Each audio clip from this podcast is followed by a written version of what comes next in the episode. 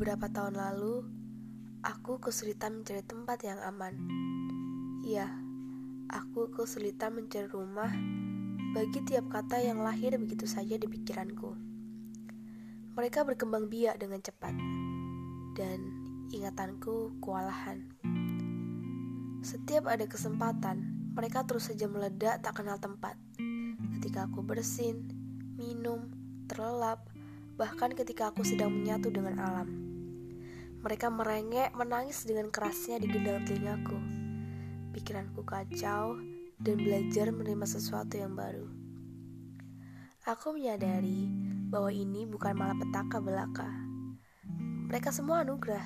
Kata-kata itu anugerah. Mulai saat itu, aku mencari wadah bagi mereka hidup. Aku memberi mereka kesempatan sebelum hilang di telan ingatan. Aku sadar mereka sangatlah rapuh. Risiko aku melupakannya sangatlah tinggi. Maka aku membeli garis-garis panjang yang sejajar untuk rumah mereka. Wujudnya berubah, bukan lagi angan-angan. Alias, mereka memiliki bentuk fisik. Aku menyebutnya tinta yang berpola. Jadi, setiap kelahiran baru di kepalaku, kupastikan mereka semua langsung memiliki wujud fisik.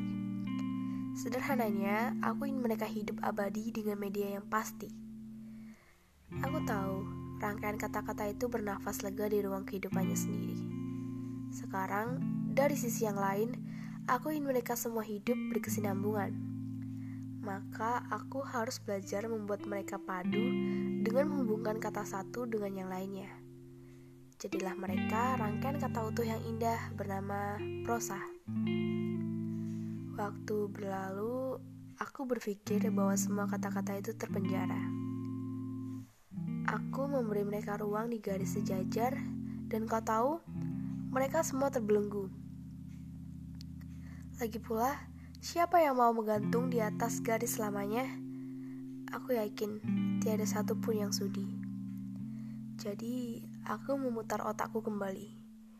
Aku menginginkan mereka semua bebas dari garis-garis yang sebenarnya aku buat sendiri. Maka lahirlah Oksayu, sebuah akun yang akan menjadi rumah baru bagi semua kata-kataku. Itu artinya mereka memiliki wujud yang baru, lebih hidup dari sebelumnya. Tidak lagi terbelenggu, dan kabar baiknya mereka semua bebas ke mana saja mungkin hinggap di kepalamu atau bahkan menetap di hatimu yang paling dalam. Sekarang, mereka semua bebas menentukan jalan hidupnya masing-masing.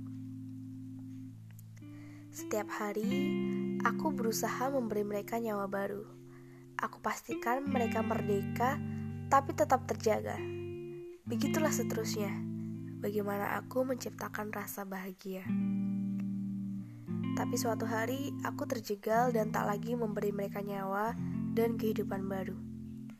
Aksayu mati dan tak sadarkan diri setelah lama terbengkalai. Fatalnya, kejadian ini berlangsung bertahun-tahun. Entah Oksayu yang sudah lelah atau aku yang tak lagi peduli, intinya aku yang salah. Membiarkan satu konstelasi kehidupan mati, lalu sedalam apa lagi? Aku mau menyelam dalam muara penyesalan.